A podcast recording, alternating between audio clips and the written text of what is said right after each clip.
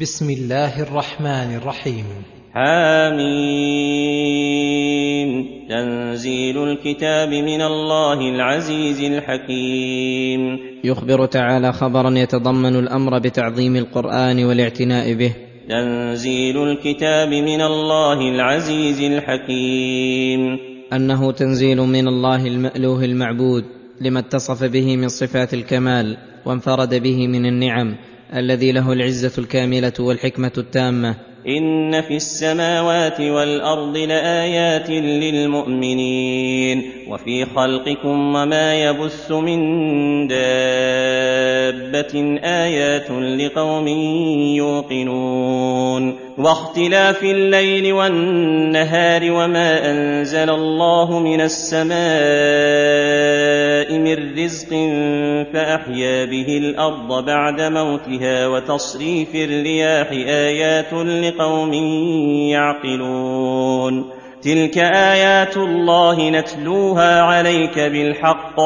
فبأي حديث بعد الله وآياته يؤمنون. ثم أيد ذلك بما ذكره من الآيات الأفقية والنفسية من خلق السماوات والأرض وما بث فيهما من الدواب وما أودع فيهما من المنافع وما أنزل الله من الماء الذي يحيي به الله البلاد والعباد. فهذه كلها آيات بينات وأدلة واضحات على صدق هذا القرآن العظيم وصحة ما اشتمل عليه من الحكم والأحكام ودالات أيضا على ما لله تعالى من الكمال وعلى البعث والنشور. ويل لكل أفاك أثيم. يسمع آيات الله تتلى عليه ثم يصر مستكبرا كأن لم يسمعها فبشره بعذاب أليم. وإذا علم من آياتنا شيئا اتخذها هزوا أولئك لهم عذاب مهين. ثم قسم تعالى الناس بالنسبة للانتفاع بآياته وعدمه إلى قسمين قسم يستدلون بها ويتفكرون بها وينتفعون فيرتفعون وهم المؤمنون بالله وملائكته وكتبه ورسله واليوم الآخر إيمانا تاما وصل بهم إلى درجة اليقين فزكى منهم العقول وازدادت به معارفهم وألبابهم وعلومهم وقسم يسمع آيات الله سماعا تقوم به الحجة عليهم ثم يعرض عنها ويستكبر كأنه ما سمعها لأنها لم تزك قلبه ولا طهرته بل بسبب استكباره عنها ازداد طغيانه وأنه إذا علم من آيات الله شيئا اتخذها هزوا فتوعده الله تعالى بالويل فقال ويل لكل أفاك أثيم. أي كذاب في مقاله أثيم في فعاله وأخبر أن له عذابا اليما وأن من ورائهم جهنم ولا يغني عنهم ما كسبوا شيئا ولا ما اتخذوا من دون الله اولياء ولهم عذاب عظيم. من ورائهم جهنم تكفي في عقوبتهم البليغه وانه لا يغني عنهم ما كسبوا من الاموال ولا ما اتخذوا من دون الله اولياء يستنصرون بهم فخذلوهم احوج ما كانوا اليهم لو نفعوا. فلما بين آياته القرآنية والعيانية وأن الناس فيها على قسمين أخبر أن القرآن المشتمل على هذه المطالب العالية أنه هدى فقال هذا هدى والذين كفروا بآيات ربهم لهم عذاب من رجز أليم. وهذا وصف عام لجميع القرآن فإنه يهدي إلى معرفة الله تعالى بصفاته المقدسة وأفعاله الحميدة ويهدي إلى معرفة رسله وأوليائه وأعدائه وأوصافهم ويهدي إلى الأعمال الصالحة ويدعو إليها ويبين الأعمال السيئة وينهى عنها ويهدي إلى بيان الجزاء على الأعمال ويبين الجزاء الدنيوي والأخروي فالمهتدون اهتدوا به فأفلحوا وسعدوا. والذين كفروا بآيات ربهم لهم عذاب من رجز أليم. والذين كفروا بآيات ربهم الواضحة القاطعة التي لا يكفر بها إلا من اشتد ظلمه وتضاعف طغيانه. لهم عذاب من رجز أليم. الله الذي سخر لكم البحر لتجري الفلك فيه بأمره ولتبتغوا من فضله ولعلكم تشكرون. يخبر تعالى بفضله على عباده وإحسانه إليهم بتسخير البحر لسير المراكب والسفن بأمره وتيسيره. ولتبتغوا من فضله. لتبتغوا من فضله بأنواع التجارات والمكاسب. ولعلكم تشكرون. ولعلكم تشكرون الله تعالى. فإنكم إذا شكرتموه زادكم من نعمه وأثابكم على شكركم أجرا جزيلا.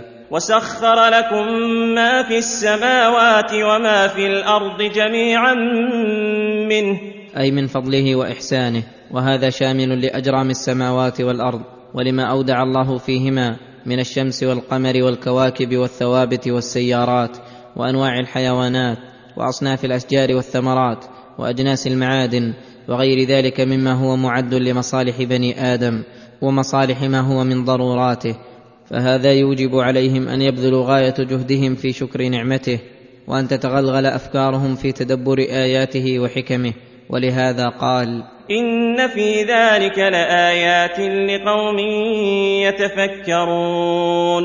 وجملة ذلك أن خلقها وتدبيرها وتسخيرها دال على نفوذ مشيئة الله وكمال قدرته وما فيها من الإحكام والإتقان وبديع الصنعة وحسن الخلقة دال على كمال حكمته وعلمه وما فيها من السعة والعظمة والكثرة دال على سعة ملكه وسلطانه وما فيها من التخصيصات والأشياء المتضادات دليل على أنه الفعال لما يريد وما فيها من المنافع والمصالح الدينية والدنيوية دليل على سعة رحمته وشمول فضله وإحسانه وبديع لطفه وبره. وكل ذلك دال على أنه وحده المألوه المعبود الذي لا تنبغي العبادة والذل والمحبة إلا له وأن رسله صادقون فيما جاءوا به فهذه أدلة عقلية واضحة لا تقبل ريبا ولا شكا. قل للذين آمنوا يغفروا للذين لا يرجون أيام الله. يغفروا للذين لا يرجون أيام الله ليجزي قوما بما كانوا يكسبون. يأمر تعالى عباده المؤمنين بحسن الخلق والصبر على أذية المشركين به الذي لا يرجون أيام الله أي لا يرجون ثوابه. ولا يخافون وقائعه في العاصين فإنه تعالى سيجزي كل قوم بما كانوا يكسبون. فأنتم يا معشر المؤمنين يجزيكم على إيمانكم وصفحكم وصبركم ثوابا جزيلا وهم إن استمروا على تكذيبهم فلا يحل بكم ما حل بهم من العذاب الشديد والخزي. ولهذا قال من عمل صالحا فلنفسه ومن أساء فعليها ثم إلى ربكم ترجعون. ثم قال تعالى ولقد آتينا بني إسرائيل الكتاب والحكم والنبوة ورزقناهم من الطيبات وفضلناهم على العالمين. أي ولقد أنعمنا على بني إسرائيل نعما لم تحصل لغيرهم من الناس وآتيناهم الكتاب أي التوراة والإنجيل والحكم بين الناس والنبوة التي امتازوا بها وصارت النبوة في ذرية إبراهيم عليه السلام أكثرهم من بني إسرائيل. ورزقناهم من الطيبات وفضلناهم على العالمين. ورزقناهم من الطيبات من المآكل والمشارب والملابس وإنزال المن والسلوى عليهم. وفضلناهم على العالمين. أي على الخلق بهذه النعم ويخرج من هذا العموم اللفظي هذه الأمة فإنهم خير أمة أخرجت للناس. والسياق يدل على أن المراد غير هذه الأمة فإن الله يقص علينا ما امتن به على بني إسرائيل وميزهم عن غيرهم. وأيضا فإن الفضائل التي فاق بها بنو إسرائيل من الكتاب والحكم والنبوة وغيرها من النعوت قد حصلت كلها لهذه الأمة. وزادت عليهم هذه الأمة فضائل كثيرة. فهذه الشريعة شريعة بني إسرائيل جزء منها. فإن هذا الكتاب مهيمن على سائر الكتب السابقة ومحمد صلى الله عليه وسلم مصدق لجميع المرسلين. وآتيناهم بينات من الأمر فما اختلفوا إلا من بعد ما جاءهم العلم بغيا بينهم. إن ربك يقضي بينهم يوم القيامة فيما كانوا فيه يختلفون. وآتيناهم أي آتينا بني إسرائيل بينات أي دلالات تبين الحق من الباطل من الأمر القدري الذي أوصله الله إليهم. وتلك الآيات هي المعجزات التي رأوها على يد موسى عليه السلام. فهذه النعم التي أنعم الله بها على بني إسرائيل تقتضي الحال أن يقوموا بها على أكمل الوجوه وأن يجتمعوا على الحق الذي بينه الله لهم ولكن انعكس الأمر فعاملوها بعكس ما يجب. وافترقوا فيما أمروا بالاجتماع به ولهذا قال فما اختلفوا إلا من بعد ما جاءهم العلم بغيا بينهم. أي الموجب لعدم الاختلاف وإنما حملهم على الاختلاف البغي من بعضهم على بعض والظلم. إن ربك يقضي بينهم يوم القيامة فيما كانوا فيه يختلفون. فيميز المحق من المبطل والذي حمله على الاختلاف الهوى أو غيره. ثم جعلناك على شريعة من الأمر فاتبعها ولا تتبع أهواء الذين لا يعلمون. أي ثم شرعنا لك شريعة كاملة تدعو إلى كل خير وتنهى عن كل شر من أمرنا الشرعي. فاتبعها فإن في اتباعها السعادة الأبدية والصلاح والفلاح. ولا تتبع أهواء الذين لا يعلمون. أي الذين تكون أهويتهم غير تابعة للعلم ولا ماشية خلفه وهم كل من خالف شريعة الرسول صلى الله عليه وسلم هواه وإرادته. فإنه من أهواء الذين لا يعلمون. إنهم لن يغنوا عنك من الله شيئا وإن الظالمين بعضهم أولياء بعض والله ولي المتقين. إنهم لن يغنوا عنك من الله شيئا أي لا ينفعونك عند الله فيحصل لك الخير ويدفع عنك الشر إن اتبعتهم على أهوائهم. ولا تصلح أن توافقهم وتواليهم فإنك وإياهم متباينون وبعضهم ولي لبعض. والله ولي المتقين. يخرجهم من الظلمات إلى النور بسبب تقواهم وعملهم بطاعته.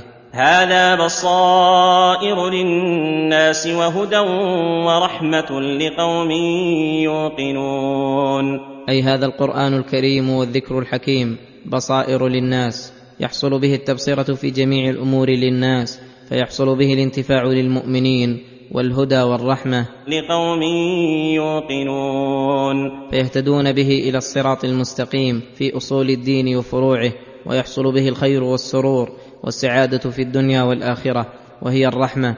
فتزكو به نفوسهم وتزداد به عقولهم ويزيد به إيمانهم ويقينهم وتقوم به الحجة على من أصر وعاند. أم حسب الذين اجترحوا السيئات أن نجعلهم كالذين آمنوا وعملوا الصالحات أن نجعلهم كالذين آمنوا وعملوا الصالحات سواء محياهم ومماتهم ساء ما يحكمون أي أم حسب المسيئون. المكثرون من الذنوب المقصرون في حقوق ربهم. أن نجعلهم كالذين آمنوا وعملوا الصالحات. أن نجعلهم كالذين آمنوا وعملوا الصالحات بأن قاموا بحقوق ربهم واجتنبوا مساخطه ولم يزالوا مؤثرين رضاه على هوى أنفسهم. أي أحسبوا أن يكونوا سواء في الدنيا والآخرة؟ ساء ما ظنوا وحسبوا وساء ما حكموا به. فإنه حكم يخالف حكمة أحكم الحاكمين وخير العادلين ويناقض العقول السليمة والفطر المستقيمة ويضاد ما نزلت به الكتب وأخبرت به الرسل. بل الحكم الواقع القطعي أن المؤمنين العاملين الصالحات لهم النصر والفلاح والسعادة والثواب في العاجل والآجل كل على قدر إحسانه وأن المسيئين لهم الغضب والإهانة والعذاب والشقاء في الدنيا والآخرة. وخلق الله السماوات والأرض بالحق ولتجزى كل نفس بما كسبت وهم لا يظلمون. أي خلق الله السماوات والأرض بالحكمة وليعبد وحده لا شريك له ثم يجازي بعد ذلك من أمرهم بعبادته وأنعم عليهم بالنعم الظاهرة والباطنة. هل شكروا الله تعالى وقاموا بالمأمور أم كفروا؟ فاستحقوا جزاء الكفور. أفرأيت من اتخذ إلهه هواه وأضله الله على علم وختم على سمعه وقلبه وجعل على بصره غشاوة فمن يهديه من بعد الله أفلا تذكرون. يقول تعالى أفرأيت الرجل الضال الذي اتخذ إلهه هواه فما هويه سلكه؟ سواء كان يرضي الله أو يسخطه. وأضله الله على علم وختم على سمعه وقلبه.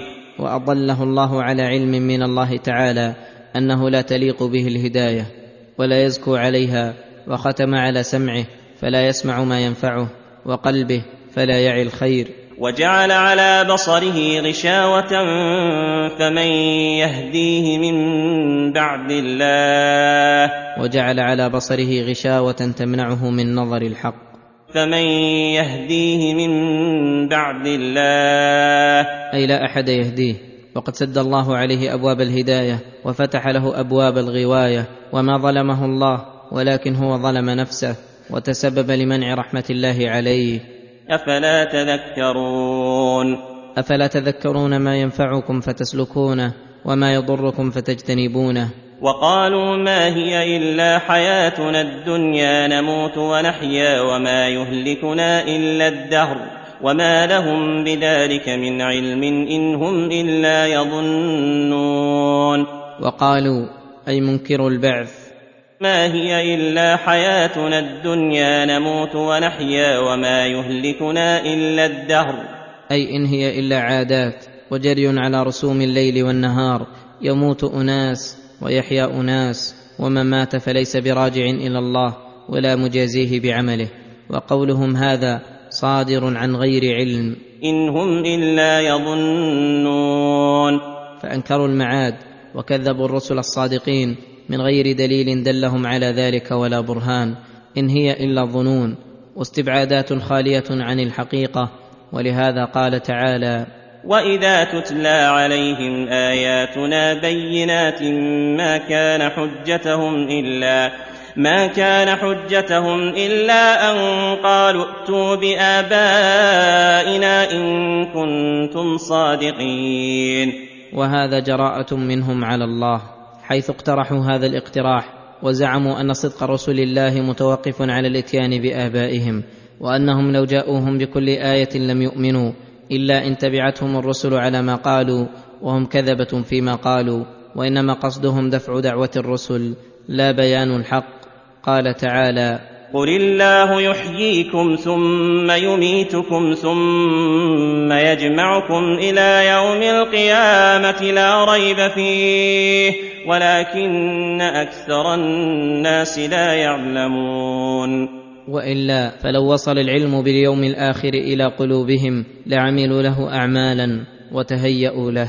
ولله ملك السماوات والأرض ويوم تقوم الساعة يومئذ يخسر المبطلون. يخبر تعالى عن سعة ملكه وانفراده بالتصرف والتدبير في جميع الأوقات وأنه يوم تقوم الساعة ويجمع الخلائق لموقف القيامة يحصل الخسار على المبطلين الذين أتوا بالباطل ليدحضوا به الحق وكانت أعمالهم باطلة لأنها متعلقة بالباطل فبطلت في يوم القيامة. اليوم الذي تستبين به الحقائق واضمحلت عنهم وفاتهم الثواب وحصلوا على أليم العقاب.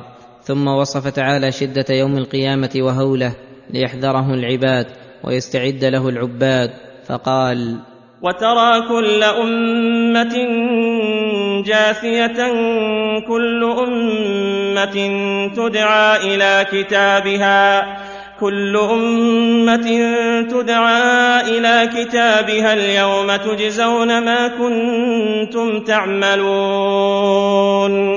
وترى أيها الرائي لذلك اليوم كل أمة جاثية على ركبها خوفا وذعرا وانتظارا لحكم الملك الرحمن. كل أمة تدعى إلى كتابها.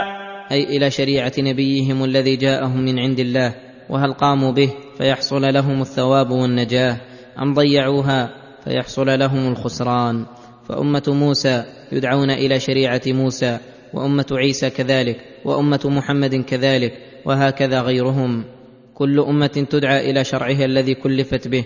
هذا أحد الاحتمالات في الآية. وهو معنى صحيح في نفسه غير مشكوك فيه ويحتمل أن المراد بقوله كل أمة تدعى إلى كتابها أي إلى كتاب أعمالها وما سطر عليها من خير وشر وأن كل أحد يجازى بما عمله بنفسه كقوله تعالى من عمل صالحا فلنفسه ومن أساء فعليها ويحتمل أن المعنيين كليهما مراد من الآية.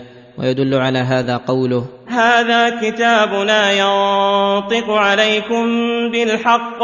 أي هذا كتابنا الذي أنزلنا عليكم يفصل بينكم بالحق الذي هو العدل. إنا كنا نستنسخ ما كنتم تعملون. فهذا كتاب الأعمال ولهذا فصل ما يفعل الله بالفريقين فقال فاما الذين امنوا وعملوا الصالحات فيدخلهم ربهم في رحمته ذلك هو الفوز المبين فاما الذين امنوا وعملوا الصالحات ايمانا صحيحا وصدقوا ايمانهم بالاعمال الصالحه من واجبات ومستحبات فيدخلهم ربهم في رحمته. التي محلها الجنة وما فيها من النعيم المقيم والعيش السليم. ذلك هو الفوز المبين. أي المفاز والنجاة والربح والفلاح الواضح البين الذي إذا حصل للعبد حصل له كل خير واندفع عنه كل شر. وأما الذين كفروا فلم تكن آياتي تتلى عليكم فاستكبرتم وكنتم قوما مجرمين. وأما الذين كفروا بالله فيقال لهم توبيخا وتقريعا. أفلم تكن آياتي تتلى عليكم؟ أفلم تكن آياتي تتلى عليكم وقد دلتكم على ما فيه صلاحكم ونهتكم عما فيه ضرركم؟ وهي أكبر نعمة وصلت إليكم لو وفقتم لها ولكن استكبرتم عنها وأعرضتم وكفرتم بها فجنيتم أكبر جناية وأجرمتم أشد الجرم فاليوم تجزون ما كنتم تعملون ويوبخون أيضا بقوله واذا قيل ان وعد الله حق والساعة لا ريب فيها قلتم ما ندري ما الساعة ان نظن الا ظنا وما نحن بمستيقنين قلتم منكرين لذلك ما ندري ما الساعة ان نظن الا ظنا وما نحن بمستيقنين فهذه حالهم في الدنيا وحال البعث الإنكار له ورد قول من جاء به قال تعالى وبدا لهم سيئات ما عملوا وحاق بهم ما كانوا به يستهزئون. أي وظهر لهم يوم القيامة عقوبات أعمالهم. وحاق بهم ما كانوا به يستهزئون. أي نزل بهم العذاب الذي كانوا في الدنيا يستهزئون به وبوقوعه. وبمن جاء به. وقيل اليوم ننساكم كما نسيتم لقاء يومكم هذا ومأواكم النار ومأواكم النار وما لكم من ناصرين. وقيل اليوم ننساكم أي نترككم في العذاب كما نسيتم لقاء يومكم هذا. فإن الجزاء من جنس العمل ومأواكم النار أي هي مقركم ومصيركم. وما لكم من ناصرين. ينصرونكم من عذاب الله ويدفعون عنكم عقابه.